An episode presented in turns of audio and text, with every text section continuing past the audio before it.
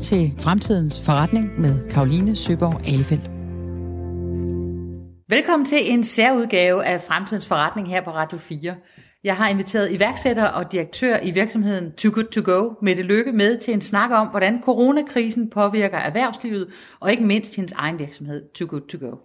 I den her udsendelse zoomer vi særligt ind på iværksættervirksomheder og startups. For hvordan hjælper regeringens hjælpepakker de nye virksomheder?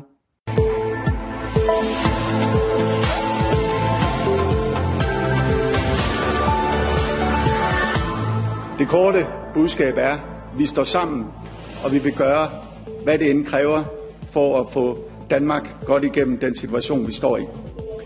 Et enigt folketing er nu klar med milliardhjælp til både virksomheder, lønmodtagere og arbejdsløse. Alle medlemmer af Folketinget er en del af en aftale, der på rekordtid sender rigtig mange penge ud til alle de mennesker, der mærker de økonomiske konsekvenser af krisen. Vi skal også tale om klimapartnerskaberne, der desværre er gået meget under radaren, men når Danmark stille og roligt begynder at lukke op igen, så venter der fortsat en stor opgave for vores erhvervsliv med at indfri den grønne omstilling.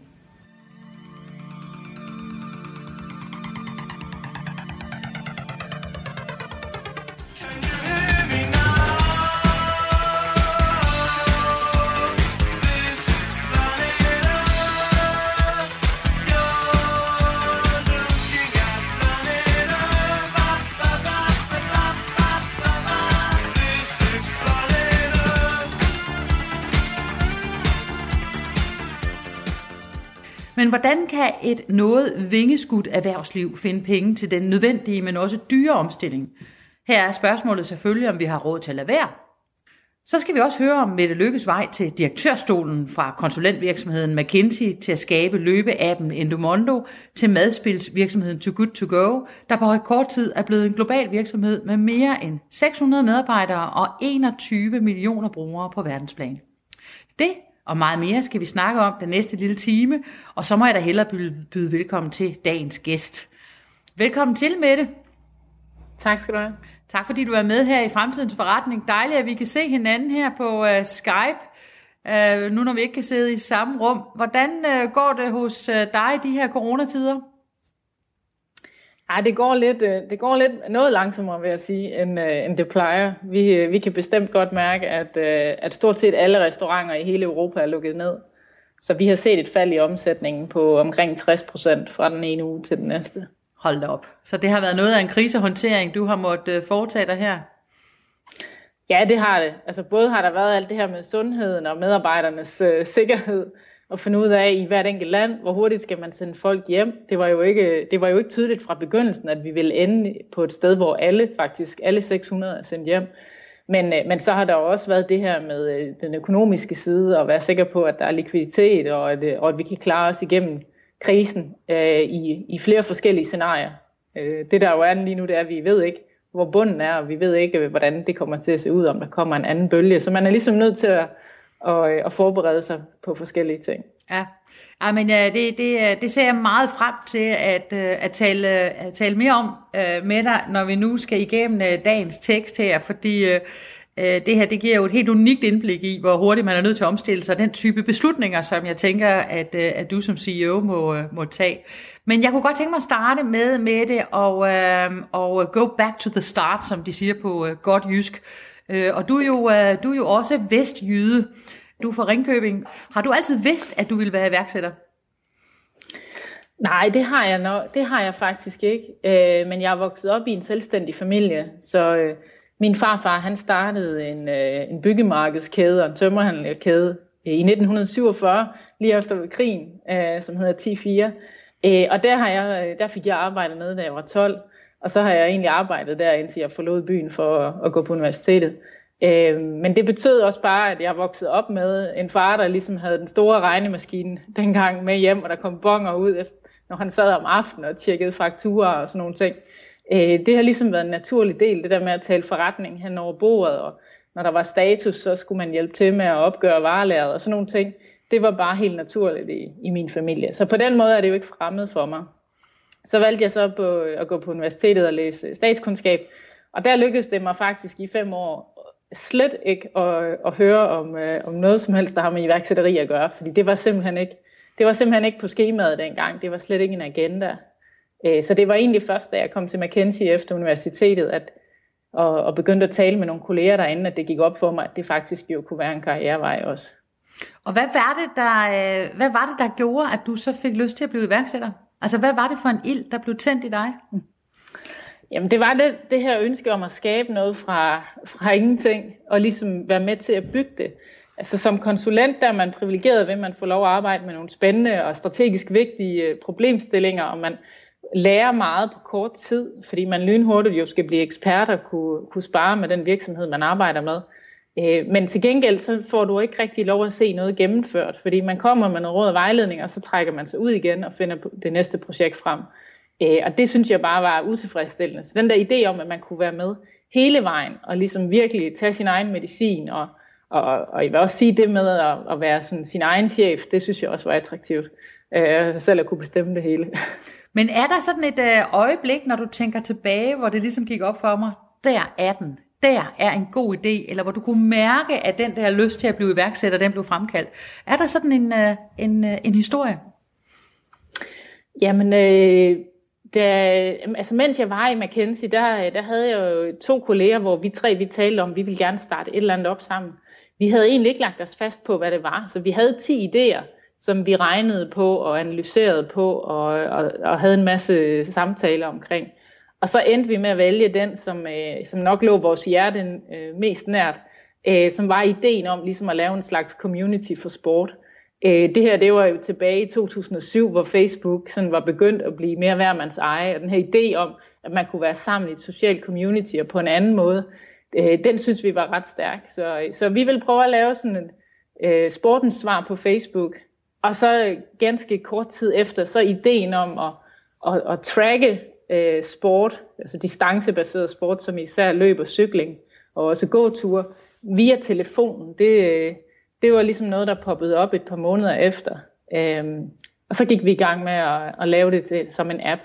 Og det her, det var altså, øh, det var altså inden øh, konceptet omkring en app, det rigtig fandtes. Så, så det var et program til telefonen, og der fandtes jo ingen app stores, og der var ikke GPS i, i iPhone. Øh, så, øh, så det var meget tidligt i forhold til, hvor teknologien var henne. Og med det, vidste du med det samme, hvad din rolle skulle være der i, i Endomondo, altså, eller, eller var I sådan et kollektiv, der delte opgaverne ud, nu når I alle sammen kom fra McKinsey, eller, eller hvordan, øh, hvordan finder man sin rolle i sådan et, i ens første iværksætterprojekt? Ej, vi, vi delte egentlig, og vi delte meget hurtigt opgaverne op efter øh, folks interesseområder og kompetencer. Øh, jeg havde arbejdet på Jyllandsposten, så, så det virkede sådan mest naturligt, at jeg sad med PR og markedsføring. Øh, og jeg kommer også til at sidde med sådan øh, forretningsudvikling eller sådan partnerskaberne. Øh, og så sad en anden en med produktet og det mere tekniske, og en tredje sad med, med den finansielle del. Så, så det var egentlig ret naturligt, at vi fik det delt hurtigt op. Mm-hmm. Og hvad, der var ikke nogen af jer, der havde prøvet at bygge noget før? Nej, ikke rigtigt. Jeg tror, at en havde lavet et mindre projekt, men jeg vil sige ikke rigtigt. Så, så, så I var lidt prototypen på nogen, det plejer at være umuligt for at gå ud og rejse noget kapital. Så kan du ikke fortælle historien om, hvordan det lykkedes alligevel? Jo, men jeg vil sige, at det var faktisk også ret umuligt langt hen ad vejen. Øhm, vi, øh, vi havde ret nemt ved at få møderne med de store, eller med de øh, kapitalfonde, der var i Danmark på det tidspunkt. Jeg tror, der var en 10-12 stykker. Øh, og når vi sendte ud med vores McKinsey-CV'er, så, så fik vi altid møderne, jeg tror uden undtagelse. Men, øh, men, men det der så også var uden undtagelse, det var, at vi, øh, at vi ikke fik nogen penge, når, når mødet var slut.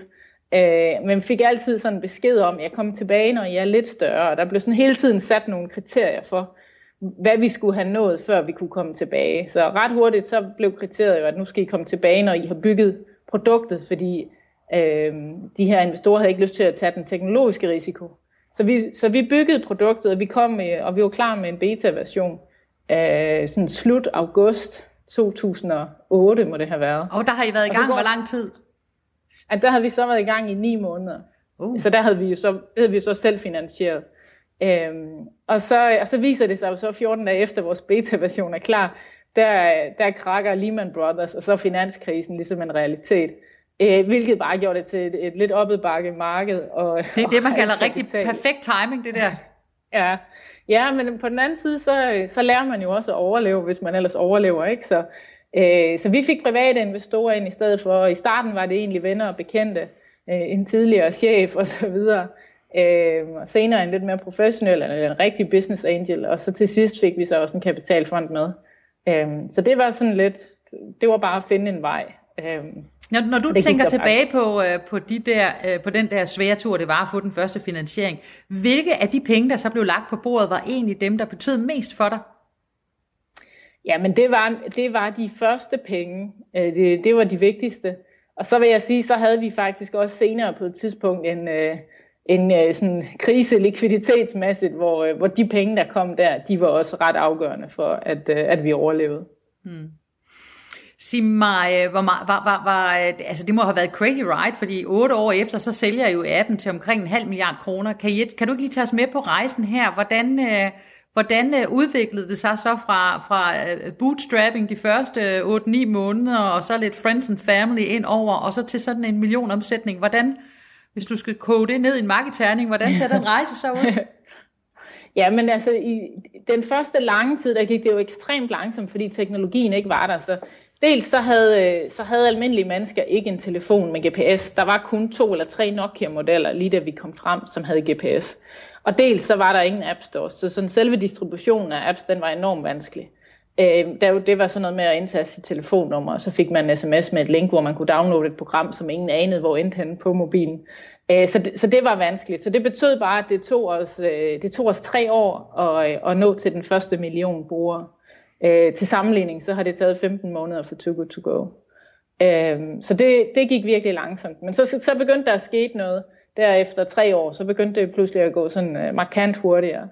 Så efter fem år, der, øhm, øh, der, havde, vi en, øh, der havde vi en kapitalrejsning, som, øh, som slog fejl, altså hvor det simpelthen ikke lykkedes os at, øh, at finde de nye investorer, vi skulle have ind. Øh, så der blev vi nødt til øh, meget hurtigt at sadle om, og ligesom satse benhårdt på at blive profitable, hvor vi ellers havde øh, investeret i væksten og kørt med underskud. Øh, så det var ligesom af nød, at vi pludselig blev nødt til at finde en vej. Så det var noget med at, øh, at få gang i nogle forretningsmodeller. Så det var både vores abonnementsmodel, som stadigvæk er den primære indtjeningskilde, og så var det også i forbindelse med det, at der kom reklamer i den gratis version. Så det skulle pludselig gå stærkt, men det lykkedes så efter 9-10 måneder øh, og, øh, og blive profitable. Og så, øh, og så solgte vi så, da vi havde været i gang i, ja, i syv år faktisk. Øh, der, øh, der blev vi så opkøbt af, af Under Armour, øh, amerikansk sportsvirksomhed. Øh, og så blev jeg hængende øh, et par år efter det også, i en ny funktion. Med, når du kigger tilbage på de der øh, syv år indtil I sælger, øh, var der så øh, noget tidspunkt, hvor du tænkte, ej, nu smider jeg altså håndklædet i ringen? Altså har, har der været tidspunkter, der var så svære, hvor du tænkte, det kunne godt være, at man skulle være blevet i det der McKinsey, eller øh, have gået en anden vej med den der statskundskabseksamen. Øh, Nej, men det var der faktisk ikke, og det, det er jo, jeg tror også, det er nok det, der, der karakteriserer mange iværksættere, at, at når man har noget, man tror så fast og brændende på, altså så er det jo slet ikke nogen tanker, man gør sig. Så handler det hele jo bare om, hvad er, hvad er vejen nu? Fordi der er altid en vej.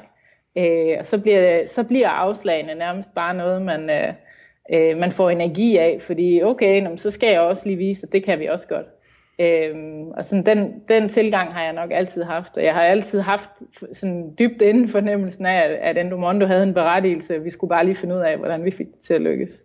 Så der har været en uh, tro på uh, projektet, og en uh, ildhu og en kraft hos dig, der har gjort, at du simpelthen bare er blevet ved i alle de syv år, på trods af, at I startede under uh, finanskrisen, og at uh, I på et tidspunkt også måtte ud og, og tænke jeres forretningsmodel helt om, fordi det simpelthen var vanskeligt at, at finde penge.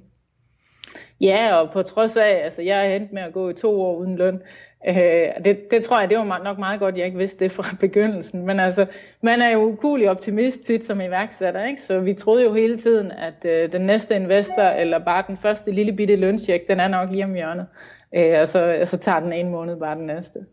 Mette, hvis du øh, ligesom skal kigge på øh, livet som øh, iværksætter og livet som øh, lønmodtager, hvad, hvad, hvad vil du så sige om det der iværksætterliv? Hvad er det, der er fantastisk ved det, eller udfordrende, eller anderledes? Jamen det er jo, altså jeg tror den helt stor forskel er jo, at det virkelig er en livsstil. Man har, man har jo aldrig fri fra det. Selvfølgelig kan man lægge det væk, men det er jo ikke sådan, at øh, jeg er i hvert fald ikke særlig god til sådan at lukke ned, og så nu tænker jeg slet ikke mere på det, før jeg møder ind igen i morgen kl. 8. Øh, det, det kører jo ligesom hele tiden, øh, men det er jo også vokset op med, at det er en livsstil. Øh, og, og det passer mig egentlig godt. Det betyder jo også, at det, det er jo sådan set også nu, bortset fra min familie og mine venner, min eneste hobby lige for tiden. Øh, så, øh, så hvis jeg har noget tid, hvor jeg ikke ved, hvad jeg ellers skal lave, det sker ikke så tit, men skulle det ske, jamen så er det sikkert at lave en eller anden analyse, jeg har været nysgerrig efter i forhold til, hvordan går det egentlig med det der, eller det her segment i et bestemt land. Så hvad du siger, der er, ikke, der er ikke tid til fritidsinteresser, eller hvordan skal jeg forstå det? Nej, der er ikke tid til det, men der er jo heller ikke, der er heller ikke rigtig øh, lyst til det. Altså, det er jo en prioritet, altså, det er jo en prioriteringssag, og, øh, og, og jeg prioriterer bare, at, øh, at, at jeg vil gerne have den her virksomhed til at flyve, og så, og så vil jeg gerne have en familie, der fungerer, og så vil jeg også gerne se nogle venner. Og så, og så når jeg så bare heller ikke ret meget mere. Du lytter til Fremtidens Forretning med Karoline Søborg Alefeldt. Der er hverken vildsvin eller øller her. Ah, når bare man får sig en bid brød. Åh, Åh, oh, jeg er så glad for mad. Ja, jeg er så glad for mad. Men når tørsten står, skal den slukkes først. Mad og drikke følges af. Og jeg er så glad for mad. Ja, jeg er så glad for mad. Er man bare med går det hele let. Kom så med det fyldte fad. Vi kender det alle sammen. Vi åbner køleskabet, og så er der mug på guldrødderne, eller agurken er blevet blød, mælken er blevet klumpet, og osten er blevet blågrøn. Vi smed alle sammen mad ud, fordi vi glemmer at få det spist, inden det blev for dårligt. Og det føles sikkert relativt uskyldigt for de fleste af os. Jeg tænker selv tit, øh, hov, øv, nu fik jeg alligevel ikke spist det hele. Og det tror jeg også, de fleste af os tænker, det var bare lige et par tomater, det går nok. Men lægger vi det hele sammen, så smider danske husstande 250.000 ton mad ud om året, og værre står det til, hvis vi tager butikker og restauranter med, så smider de 500.000 ton mad ud om året. Det svarer faktisk til, at vi smider en tredjedel af al vores mad ud igen til en samlet værdi årligt af 13,5 milliarder kroner. Så der er rigtig meget plads til forbedring. Men heldigvis vrimler det også med gode løsninger på, hvordan vi minimerer madspillet i Danmark. Herunder virksomheden Too Good To Go, som du jo sidder i spidsen for, Mette Lykke. Hvad er øh, konceptet for øh, Too Good To Go? Kan du fortælle os det? Ja, jamen med Too Good To Go, der vil vi gerne skabe en hel bevægelse mod madspil. Øh, og vi er nok mest kendte lige nu for, for vores app, som fungerer som en øh, markedsplads, hvor øh, restauranter, supermarkeder, hoteller og bagerier, de kan øh, sætte den mad til salg, som, øh, som de ellers ville have smidt ud, typisk øh, ved, ved lukningen af butikken om aftenen.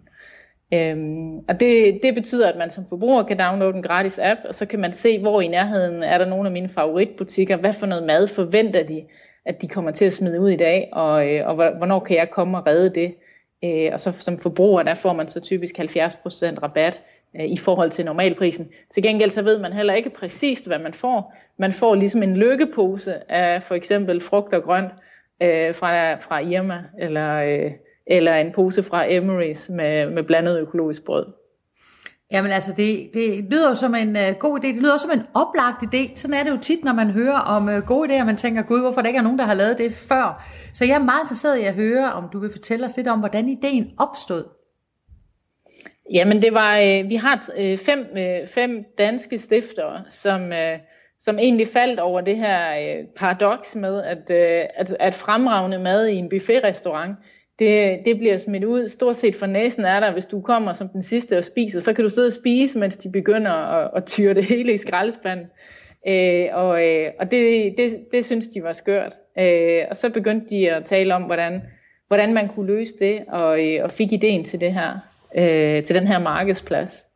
Øh, ret hurtigt så fik din hjemmeside op at stå, og det viste sig faktisk, at restauranterne var overraskende begejstrede for konceptet, så det blev hurtigt til en app. Øh, så i januar 2016, der blev, øh, blev Too Good To Go lanceret som en app for første gang. Og hvordan blev du en, øh, en del af den uh, historie? Jamen, 8-9 måneder senere, der, der, der skulle jeg til et arrangement uden for, uden for København og sidde, kom til at sidde i en bus øh, med en kvinde, jeg ikke havde mødt før, og vi faldt i snak. Det kan jo ske. Så, ja, det kan jo ske. Og, Ja. så, øh, og så fortalte hun mig om konceptet, og viste mig også appen på sin øh, telefon. Der havde appen som sagt været ude i omkring ni måneder. Øh, og, og jeg synes bare, det var det mest fremragende koncept, og sådan en fantastisk idé, altså at man, at man kan være med til at løse så kolossalt stort et samfundsproblem på en måde, hvor alle efterlades som vinder. Så både, både butikkerne er glade, fordi de får, øh, de får CSR-aspektet, de kan redde maden. Øh, deres medarbejdere bliver gladere, fordi de ikke skal være bødlerne, der smider al maden ud. Og så har vi forretning, eller øh, forbrugerne på den anden side, som, øh, som faktisk synes, det er rigtig skægt at redde det her mad, og der går lidt sport i at finde ud af, hvad man kan få i dag. Øh, så jeg, så jeg, var, jeg var solgt med det samme, og spurgte, om der var noget, jeg kunne hjælpe med. Og så blev jeg... øh, Så blev jeg Og hvor er du i- henne på det her tidspunkt i dit liv, siden at du øh, sådan, så, så generøst deler ud af din tid? Jamen på det her tidspunkt var jeg stadigvæk i, øh, i Endomondo. Øhm, så der havde vi, øh, der havde vi solgt øh, Endomondo til Under Armour i USA, og jeg havde et job øh, i Under Armour, hvor jeg også øh, ligesom var ja, direktør for, øh, for øh, no, et af deres amerikanske selskaber. Øh, men jeg var også klar til snart at lave noget andet. Jeg var så for øvrigt også højgravid, og, og måske ikke længere øh, helt så betaget af at ligge og flyve til USA hver tredje uge, som jeg havde været. Øh, også med et, et andet barn derhjemme i forvejen. Så, øh, så jeg tror også, det, det ramte mig nok også på et tidspunkt, hvor, øh, hvor jeg var ved at være klar til at, øh, at finde noget andet. Men altså, da jeg, da jeg oprindeligt gik ind i det, var der slet ingen bagtanker eller hensigter omkring at blive involveret i driften. Altså, det var vidderligt at snakke med de her stifter om, hvad har I brug for, er der noget, jeg kan hjælpe med. Øh, og det, de så gerne ville have hjælp med, det var sparring, øh, fordi der var ikke nogen af dem, der havde, øh, der havde startet øh, noget før. Og så, ville de, øh, og så søgte de også øh, den første runde finansiering.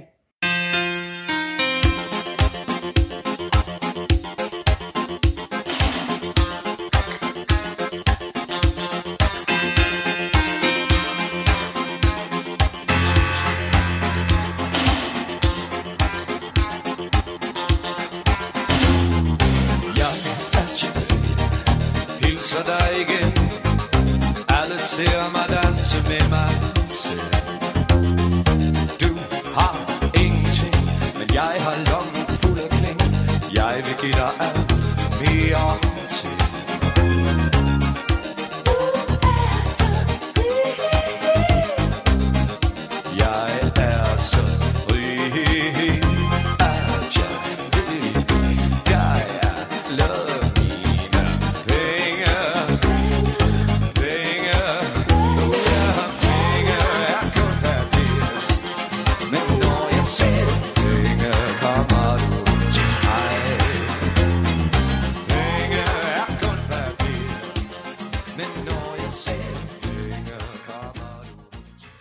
Så, så damen i bussen, som, øh, som var Birgit Åby fra tidligere Løvens Hule, øh, og jeg, vi blev så de første investorer.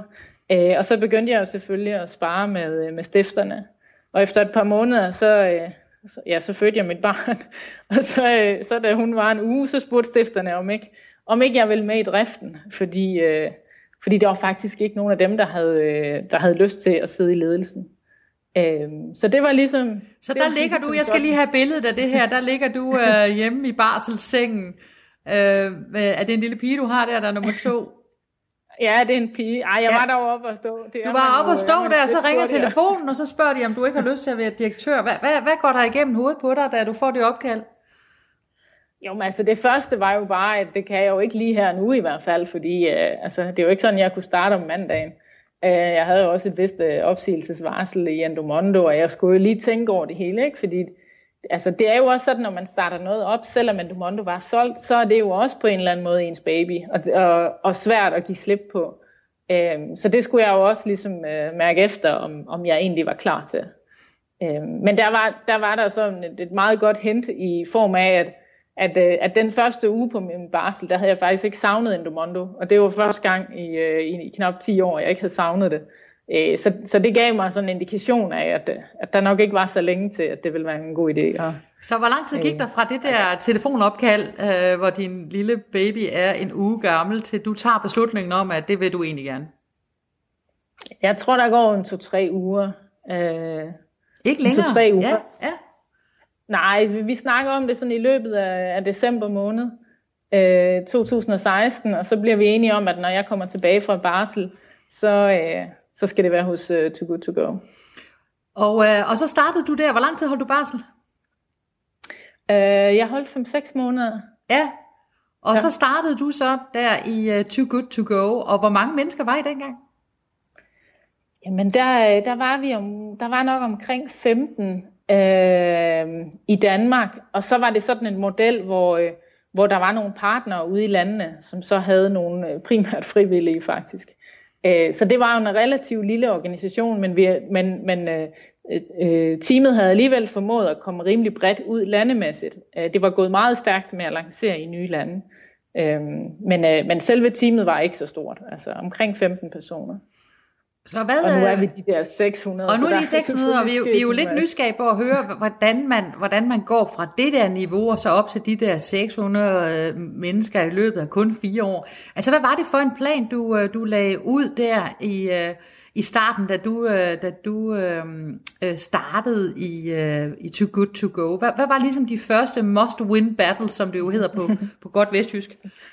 Ja, jamen, øh, jamen noget af det første, det var ligesom at sikre øh, et solidt fundament i virksomheden, inden vi gik ud til alle de her lande. Fordi på det her tidspunkt, der var vi allerede i 10 lande, og det var virksomheden altså slet, slet ikke gearet til.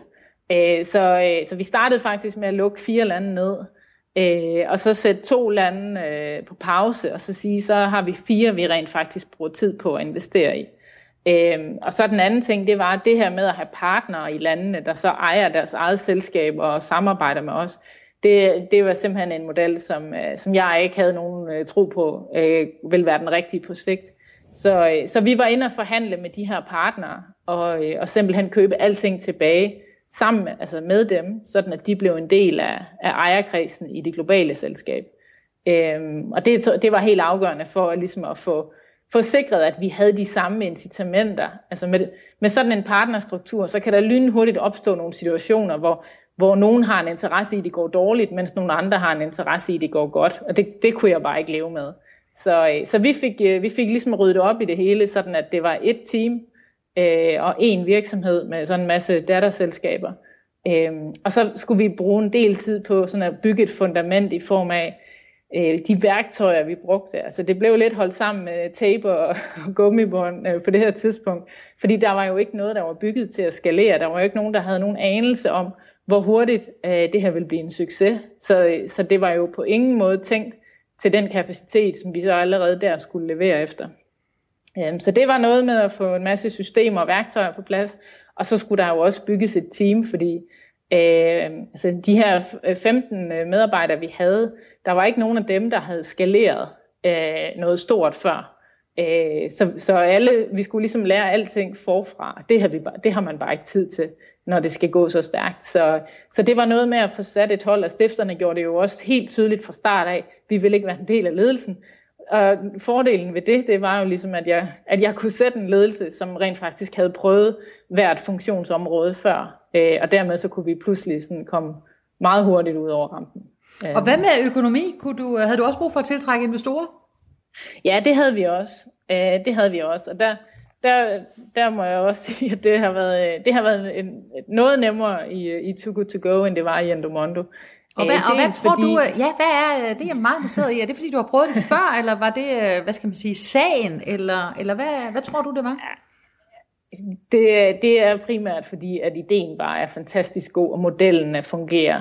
Øh, det tror jeg er det væsentligste. Det skader nok heller ikke, at, man, øh, eller at jeg har prøvet det før. Øh, fordi det gør også, at altså, vores, vores hovedinvestor var også investor i Endomondo, og var også bestyrelsesformand i, i Endomondo, som han er nu.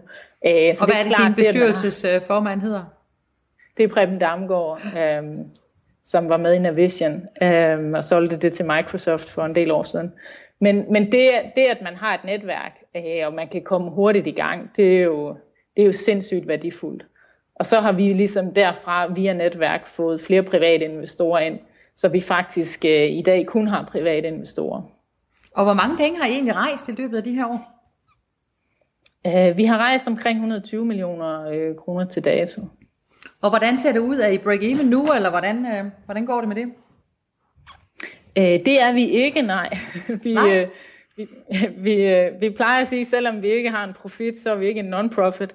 Øh, men men øh, vi er underskudsgivende, og det er vi jo, fordi vi investerer så massivt i væksten. Øh, og det er, det er en del af strategien. Altså, vi er verdensførende på det her område, øh, og, og der er kæmpe fordele ved at komme først i et land. Og derfor så vil det være, det vil være skørt ligesom at prioritere at blive profitable nu, når vi har de muligheder, vi har. Og hvad så, tænker du, øh, hvis vi lige sådan skal blive på den der financial trajectory, som det jo også hedder, øh, hvordan øh, er der et er der et endemål, altså skal I sælges, ligesom Endomondo blev solgt til Under Armour, eller forestiller du dig en børsnotering, eller, eller er der ligesom sådan en grand plan, som I følger? Der ligger ikke, der ligger ikke sådan nogen exit masterplan. Øh, det er jeg ikke rigtig så stor tilhænger af. Det havde vi faktisk heller ikke i Endomondo. Øh, det, der motiverer mig, det er at bygge noget og se det vokse og, og den impact, man har. For os specifikt, der, der redder vi jo i hvert fald præ-corona øh, over 100.000 måltider om dagen. Og, og, og det er det, jeg synes, der er fascinerende og inspirerende. Øh, og så det med exitplanen, det synes jeg er sådan lidt en downer ting overhovedet at tale om. Øh, men det er klart, at når man tager investorer ind, øh, så skal man også på et eller andet tidspunkt forholde sig til, altså hvordan, hvordan kommer de investorer så Det plejer de i hvert fald at spørge om, ja. Ja, ja det plejer de jo gerne vil have. Ja. Øh, men det er måske også en fordel ved, at vi har private investorer, at altså, vi, har ikke, vi har ikke fået sådan en bunden opgave, som man godt kan få med en kapitalfond, hvor man ligesom får at vide, nu har du 3-4 år, og så skal den flippes med en faktor 10. Øh, sådan fungerer det ikke med vores investorer. De synes, det her det er en vigtig mission, og så har de en forventning om, at det også bliver en god forretning. Men, men ret meget mere konkret er det ikke. Jo, og så er vi enige om, at det er en lidt længere tidshorisont øh, end normalt. Øh, nu nævnte det, du, det har jeg det rigtig godt med. Nu nævnte du lige selv uh, de magiske ord, uh, en mission. Øhm, og jeg tænker, det er et meget godt tidspunkt at spørge dig, hvad, hvad missionen i, i uh, Too Good To Go egentlig betyder for dig personligt. Øh, jamen, altså vores mission, det er jo at, at inspirere øh, alle til at bekæmpe madspil sammen.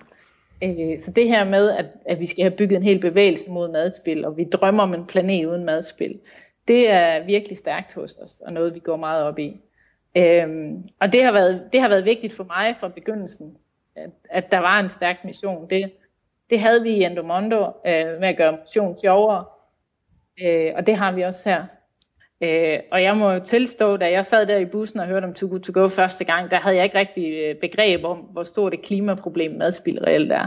Når en tredjedel af, af alt mad i verden smides ud, øh, så er det altså, øh, så kan madspild alene øh, tilskrives mellem 8 og 10 procent af, af udledning af drivhusgasser. Øh, så det, det, at der er så stærk en mission, og vi gør noget godt, det, det har været helt afgørende for, at, øh, at jeg havde lyst til at arbejde med det her øh, lidt mere end fuldtid. Det er jeg øh, rigtig glad for at, gå, at høre, øhm, fordi det er også øh, det, som optages her i øh, Fremtidens Forretning, øh, i de programmer, vi laver her, nemlig at kigge lidt på, hvilke, hvilke forretningsmuligheder ligger der, når vi skal kigge på indførelsen af FN's øh, 17 øh, verdensmål, sådan så vi ikke kun ser dem som, øh, hvad skal man sige, øh, bånd, der bliver lagt på os, øh, snærende bånd, men også som øh, muligheder for at gøre en forskel, og måske også skabe en bedre verden. Og der tænker vi i hvert fald, at Too Good To Go er et glimrende eksempel på det. Jeg synes, det der er, hvis jeg skal være helt ærlig, har overrasket mig, det er jo, at vi kan få A-kæden i dansk erhvervsliv til at stille sig i spidsen for det her. Alle kendte øh, danske virksomheder, øh, de er i gang med at gøre øh, verdensmålene til en del af deres strategi og identitet. Altså, virksomheder stiller jo ikke om af filantropiske grunde. Det skal kunne betale sig. Du lytter til Fremtidens Forretning med Karoline Søborg Alefeldt. De seneste pressemøder, vi har holdt, har ikke lige frem været korte. Øh, og det bliver det her heller ikke, for vi har ganske meget, vi gerne vil sige i aften. Jeg ved godt, at for mange mennesker har hverdagen mistet sin sammenhæng. Vores almindelige rytmer er blevet brudt, og ensomheden hos mange vokser. Og det samme gør ønsket om at komme tilbage. Tilbage til hverdagen, og sådan tror jeg faktisk, at vi alle sammen har det. Ikke mindst alle jer, hvis job, øh, forretning og livsgrundlag er i fare. Mette, vi skal tale meget mere om Too Good To Go og hvordan I er påvirket af coronakrisen nu. Øh, den har vi jo beskæftiget os indgående med her på øh, Fremtidens Forretning, særligt fra et erhvervsperspektiv. For da Danmark lukkede ned, blev rigtig mange brancher øhm, ligeledes fra den ene dag til den anden lukket ned. Og det har jo ført til, at over 50.000 mennesker har meldt sig ledige, og mange virksomheder har været nødt til at dreje nøglen om, og overskud er blevet til underskud, og det fulde billede af de økonomiske konsekvenser har vi nok først på et meget senere øh, tidspunkt. Øh, dog har regeringen og alle Folketingets partier samt erhvervslivets repræsentanter og fagforeningerne gået sammen i historisk store hjælpepakker, som du ved. Og de her hjælpepakker skal jo prøve at holde hånden under virksomhederne, og, og så skal vi jo prøve at undgå de her store massefyringer, som, øh, som desværre også er, er begyndt at ske. Der er også en lønkompensation på vej på op til 90%, hvis man sender sine medarbejdere hjem, og man kan øh, som selvstændig få dækket store dele af sine tabte indtægter, og der er lånepakker til virksomhederne og meget mere. Men med det er det nok? Og hjælpepakkerne godt nok strækket sammen til alle typer af virksomheder og brancher. Det er der jo meget øh, delte mening om. Nu vil jeg jo gerne starte med at spørge dig, hvordan er I påvirket af coronakrisen i Where to Go, eller i To Good To Go, sorry? Øh, jamen, øh, jamen, vi er ret markant påvirket. Altså, vores omsætning er, er faldet 60% nu, i forhold til, hvor vi lå henne øh, i slutningen af, af februar. Og i forhold til, hvor vi havde forventet at ligge henne på det her tidspunkt, så er det nok nærmere øh, et minus på 70-75 procent. Øhm, så, øh, så det kan vi bestemt godt mærke, og det hænger jo sammen med, at alle restauranter i vores øh, 13 lande er lukket. Øh, dermed er der jo per definition ikke så meget madspil, som der plejer at være. så, så vi har virkelig kunne mærke det her. Og vi har især kunne mærke det i Italien og Spanien, hvor vi har øh, lidt over 100 mennesker siddende. Øh, de har i specielt vores team i Milano, de har virkelig haft nogle hårde uger, inden, øh, inden alle vi andre vi ligesom øh, erkendte og forstod, hvad det var, de gik igennem. Øh, der har de virkelig haft en hård tid. Men det gjorde så også, at vi kunne se, øh, vi kunne se impact i Italien, og det kunne give en fornemmelse af, øh, hvad det var, der ventede os i resten af Europa. Men, øh, men altså, det, det lille forspring har, jo ikke, har vi ikke kunne bruge til særlig meget, fordi der, det er begrænset, hvor meget sådan damage control, der ligesom har været at gøre, når butikkerne lukker ned. Vi har så forsøgt øh, jo at, øh, at hjælpe vores partnere øh, med, med det program, vi sådan kalder We Care, øh, som handler om, at vi har stillet hele To-Go-platformen platform til rådighed øh, for takeaway hvor vi jo normalt formidler øh, overskudsmad til reducerede priser, så formidler vi så lige de her dage og de her uger også altså almindelig mad til almindelige priser øh, i forbindelse med støt lokal initiativet, hvor man så kan støtte sin lokale restaurant, øh, som stadigvæk har takeaway. Og hvad med dine medarbejdere med det? Hvordan øh, har du håndteret situationen i forhold til dem? De her 600 mennesker, der arbejder for dig. Jamen, de, de arbejder så nu alle sammen hjemmefra. Øh, men det har jo også været lidt det har så du har ikke måttet afskedige en eneste person endnu? Vi har ikke afskediget nogen, nej. Imponerende. Vi har, øh, vi har sendt nogle mennesker øh, midlertidigt hjem øh, i april måned i Spanien og i Italien. I det ene land er, er nogen sendt hjem for måneden, i det andet land er de alle sammen gået ned i arbejdstid. Øhm, men, øh, men vi har ligesom sagt til vores medarbejdere, at, at vi sørger for, at de får mindst 80% af deres løn, øh, og garanteret dem det. Øhm, og det, det håber vi, at vi kan holde fast i. Øh, men jeg vil også sige, at vi står altså for en startup eller en scale-up, som vi er, så, så, så har vi været, altså, været heldige med, at vi har været relativt godt polstret øh, i forhold til mange andre vækstvirksomheder. Mm-hmm. Altså polstret øh, økonomisk, tænker du? Ja, økonomisk, og vi har haft mange håndtag, vi kunne trække i, og vi har også nogle velvillige investorer i ryggen. Øh, og, og, og alt det, det er ligesom ret afgørende nu. Mm-hmm. Øh, fordi der, der, er jo, der er jo lanceret de her hjælpepakker, som jo, altså, jeg synes jo, det er fantastisk at se, hvordan politikerne, de pludselig øh, godt kan finde ud af at samarbejde, og hvor hurtigt de kan få ting ud over rampen. Øh, og det, det er virkelig, virkelig prisværdigt. Men, men man kan jo også godt se, at, at de kan jo ikke tænke på alle, øh, de har ikke tænkt på alle brancher. Og det er i hvert fald helt tydeligt for, øh, for mig, at, at de her lånepakker, de er, de er altså ganske enkelt ubrugelige for vækstiværksættere. De her øh, lånepakker, hvad er det for nogle lånepakker? Kan du fortælle lidt om ja, det? Men, ja, men der er, lavet, der er lavet sådan en ordning, så virksomheder kan, øh, øh, kan gå i banken og få, en, øh, få et lån, hvor staten så garanterer for 70% af lånet via Vækstfonden. Øh, og det betyder, at banken jo i stedet for at tage 100% af risikoen, kun skal tage 30% af risikoen. Og det lyder jo rigtig godt, og, øh, og, og hjælper givetvis også rigtig mange virksomheder. Øhm, udfordringen med det er bare, at kriterierne for, at banken vil tage de sidste 30 procent, det er de samme kriterier, der inden krisen var for, at banken ville tage de 100% risiko. Så det vil sige, at man skal være det, de kalder en sund virksomhed, og med til den definition hører jo, at man skal have et øh, positivt resultat fra det sidste regnskabsår, så skal man have nogle fysiske aktiver. Og ingen af de kriterier lever vækst i virksomheder jo op til, fordi det ligger i hele deres DNA, at de overinvesterer i væksten, og derfor så opererer man altid med en negativ resultat i en årrække, inden man begynder at høste frugterne. Og derfor så kan man bare ikke bruge det her til noget. Lige så snart bankerne bliver en mellemmand i det her, så bliver det ubrugeligt for vækst i øh, virksomheder. Så hvis du skulle anbefale øh, Mette Frederiksen og regeringen øh, at, at lave en hjælpepakke, der skulle gøre noget for de her startups og scale-ups, nu har de selvfølgelig også lidt forskellige betingelser, men alligevel, hvad skulle ingredienserne så være med det? Jamen, jeg synes, øh, jeg synes det vigtigste det er at sørge for, at at der er noget lånefinansiering til de her virksomheder. Samtidig så er jeg med på, at staten ikke bare kan poste pengene ud. Altså der skal ligesom være en eller anden form for balance i det. Så, øh, så det forslag, som en række erfarne iværksættere og jeg selv har været ude med her i weekenden, det er, at man simpelthen laver sådan en matchlån. Så man siger, jamen hvis en, øh, hvis en virksomhed som Too Good To Go kan finde investorer, private investorer, øh, der er villige til at lægge penge i det her, så skal staten matche det øh, en til en, eller måske endda op til en faktor 3 til 1. Så hvis vi kan rejse 10 millioner blandt folk, der har lavet den fulde due diligence, og som siger god for det, og selv lægger hånden på kogebladen, jamen så skal vi øh, hos staten kunne låne mellem 10 og 30 millioner på nogle rimelige vilkår. Ikke et gratis lån, men på nogle rimelige vilkår. Men er det ikke allerede sådan, at øh, Vækstfonden i deres øh, sådan fond-to-fond-strategi øh, har, har, altså, har været ude og øh, kunne give netop, altså hvis nogen lægger 100 kroner, så lægger de også 100 kroner.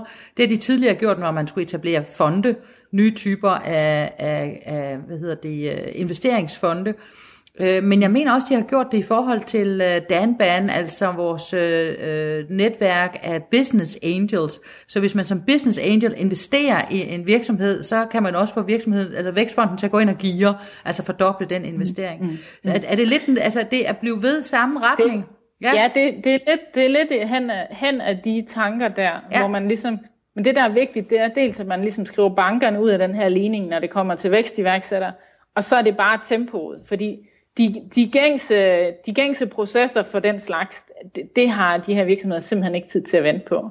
Så det skal ligesom være nok, at, øh, at man har nogle private, og så skal det ellers være en ekspeditionssag. Sådan. Har du andre forslag, eller har I andre forslag med i, øh, i hatten, hvis uh, I skulle anbefale regeringen noget? Øh, jamen, øh, en anden ting er det her med, at altså det her lønkompensation, det har meget været rettet mod, at man, at man sender folk hjem. Øh, og, og der har, har vi jo altså haft et ønske om at holde folk i gang. Øh, og ikke sende dem hjem. Øh, nu, nu er der jo også det for os, at, at de hovedparten af de mennesker, vi har ansat i Danmark, de servicerer jo øh, 13 lande.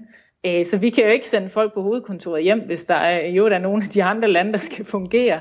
Øh, og derfor så, øh, så har vi været øh, efterspurgt lidt, at man kunne øh, få noget hjælp til løn, øh, selvom man holdt, holdt folk på arbejde. Så, så du siger egentlig, at fordi I holder folk på arbejde, så øh, kan I egentlig ikke få øh, nytte af de hjælpepakker, der er lavet indtil nu? Nej, men de, de, altså der, skal, der bliver man lidt tvunget til at spekulere i, hvor længe vil det her vare? Er det bedst at sende dem hjem og få lønkompensation, eller er det bedst at opsige? Øh, og jeg har ikke lyst til at gøre nogen af delene. Øh, men derfor har vi jo stadig en likviditetsudfordring. Så, øh, så, så det er ligesom øh, ønsket, at, øh, at det bliver mere målrettet mod, at man kan holde folk mere i gang og mere fleksibelt.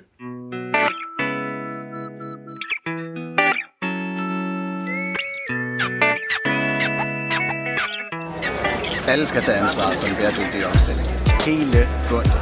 Og det vil kræve, at vi sørger for, at det bliver nemt at træffe det rigtige valg, både som forbruger og som virksomhed og som politiker.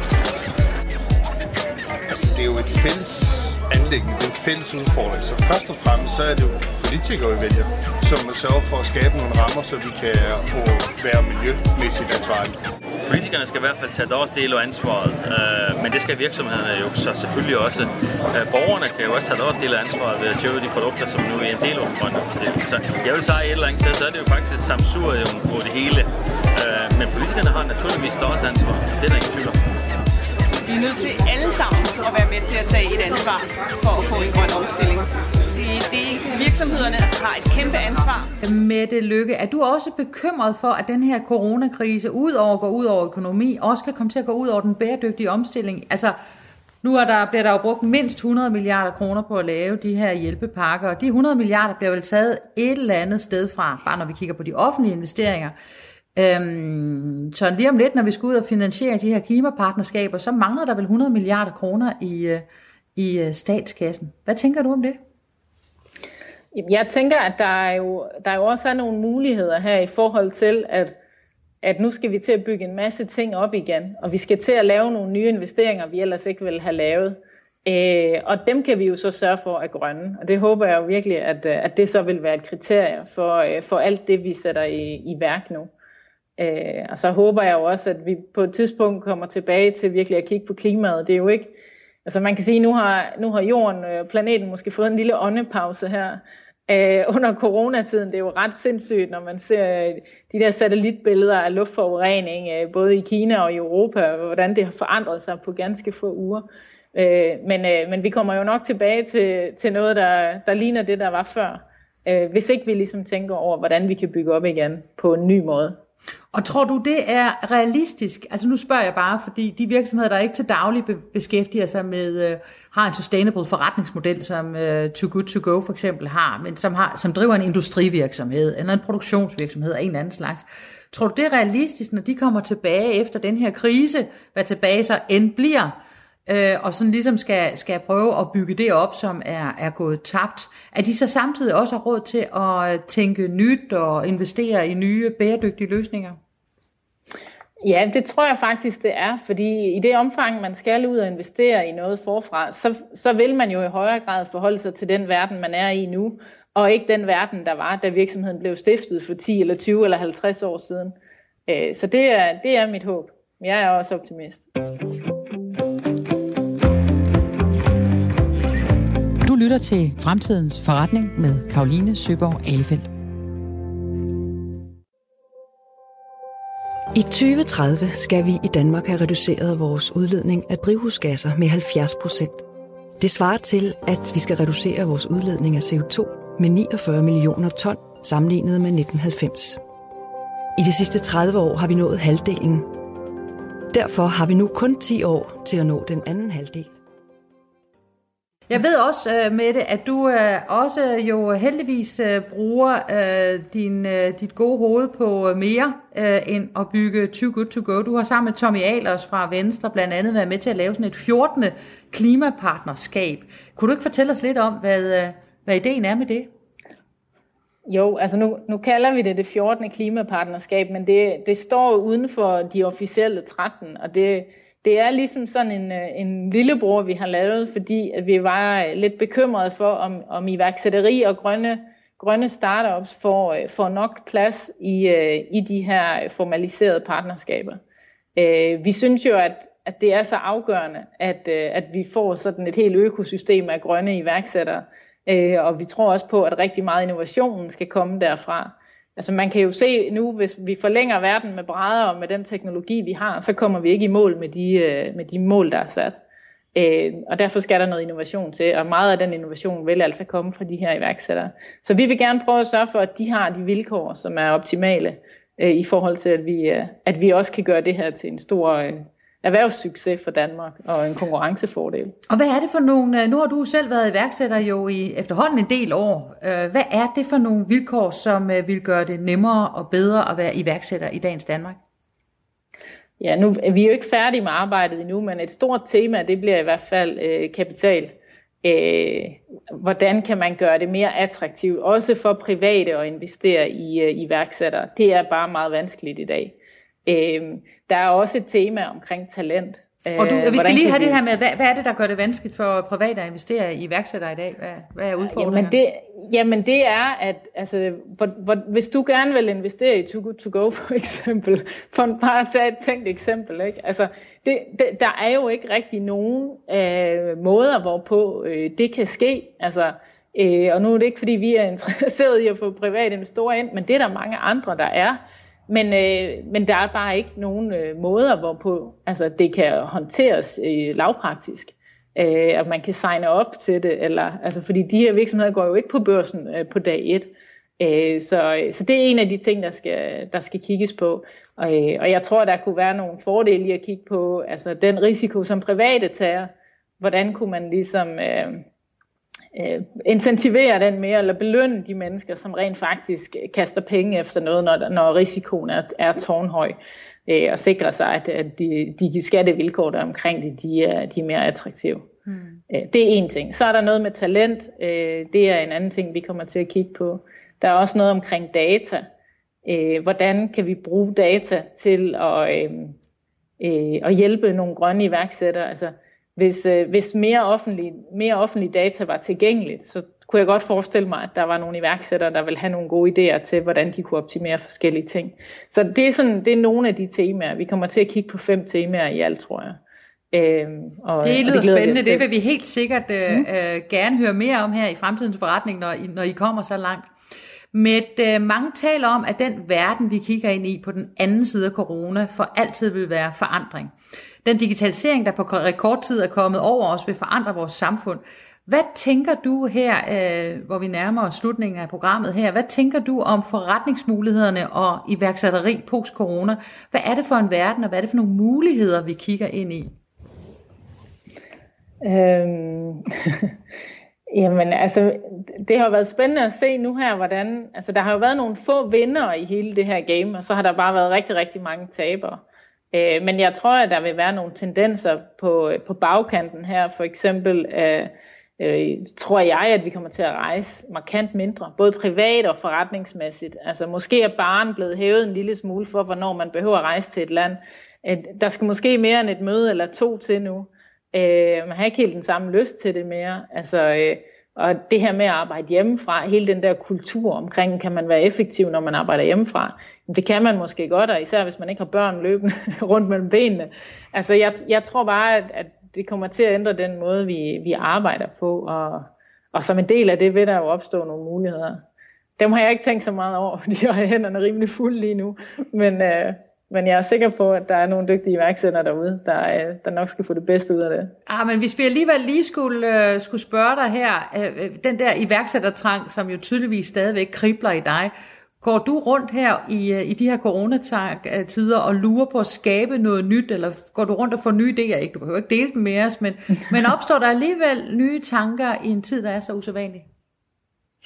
Øh, nej, det er ikke, det er ikke altså jeg får altid nogle idéer øh, hister her, men, øh, det er sjældent, de er særlig gode. Øh, så, øh, så det vil jeg ikke sige. Jeg tror, mit fokus lige nu, det er øh, fuldstændig på, øh, på Too Good To Go, og hvis vi så også kan være med til at hjælpe øh, grønne iværksætteri i Danmark lidt på vej, så, øh, så er vi godt tilfredse. Det lyder godt med det.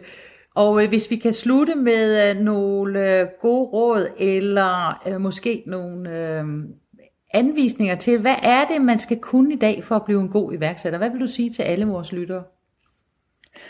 Øh, jeg tror, man skal have en sag, man brænder for, som man virkelig synes er vigtig, fordi det er den passion, der skal, der skal trække igennem, også på de virkelig dårlige dage. Øh, så skal man være god til at samarbejde og kunne sætte et team. Øh, fordi hvis ikke der er nogen, der vil arbejde sammen med en, så kommer man altså ikke ret langt. Der, der er meget lidt, der bygges af en person. og så skal man bare blive ved, også når det er svært. Sådan. Det er nok de vigtigste ting. Ja. Det lyder godt. Mette Lykke, tak fordi du vil være med her i Fremtidens Forretning i vores påske special. Det var uh, rigtig spændende at tale med dig. Knæk og bræk med uh, din virksomhed Too Good To Go. Vi håber, I kommer godt ud på den anden side af coronakrisen. Tak for det. God påske. Jeg synes, det der er, hvis jeg skal være helt ærlig, har overrasket mig, det er jo, at vi kan få A-kæden i dansk erhvervsliv til at stille sig i spidsen for det her alle kendte øh, danske virksomheder, øh, de er i gang med at gøre øh, verdensmålene til en del af deres øh, strategi og identitet. Altså, virksomheder stiller jo ikke om af filantropiske grunde. Det skal kunne betale sig.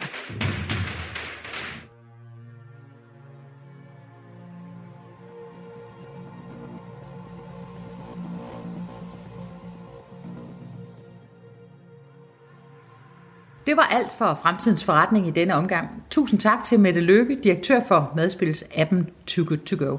Skriv endelig ind på Fremtidens Forretning at radio4.dk, hvis du har nogle gode idéer til historieemner, som du synes, vi skal kigge nærmere på. Tak til min tilrettelægger Anna Stribold Rigas og til redaktør Lene Julbrun. Programmet her kan genhøres på kanalen kl. 19.05 i aften og på podcast, når det passer dig. Tak fordi I lyttede med. Ha' en god påske, og så høres vi ved i næste uge. Hej hej. Lytter til Fremtidens Forretning med Karoline Søborg Alefeldt.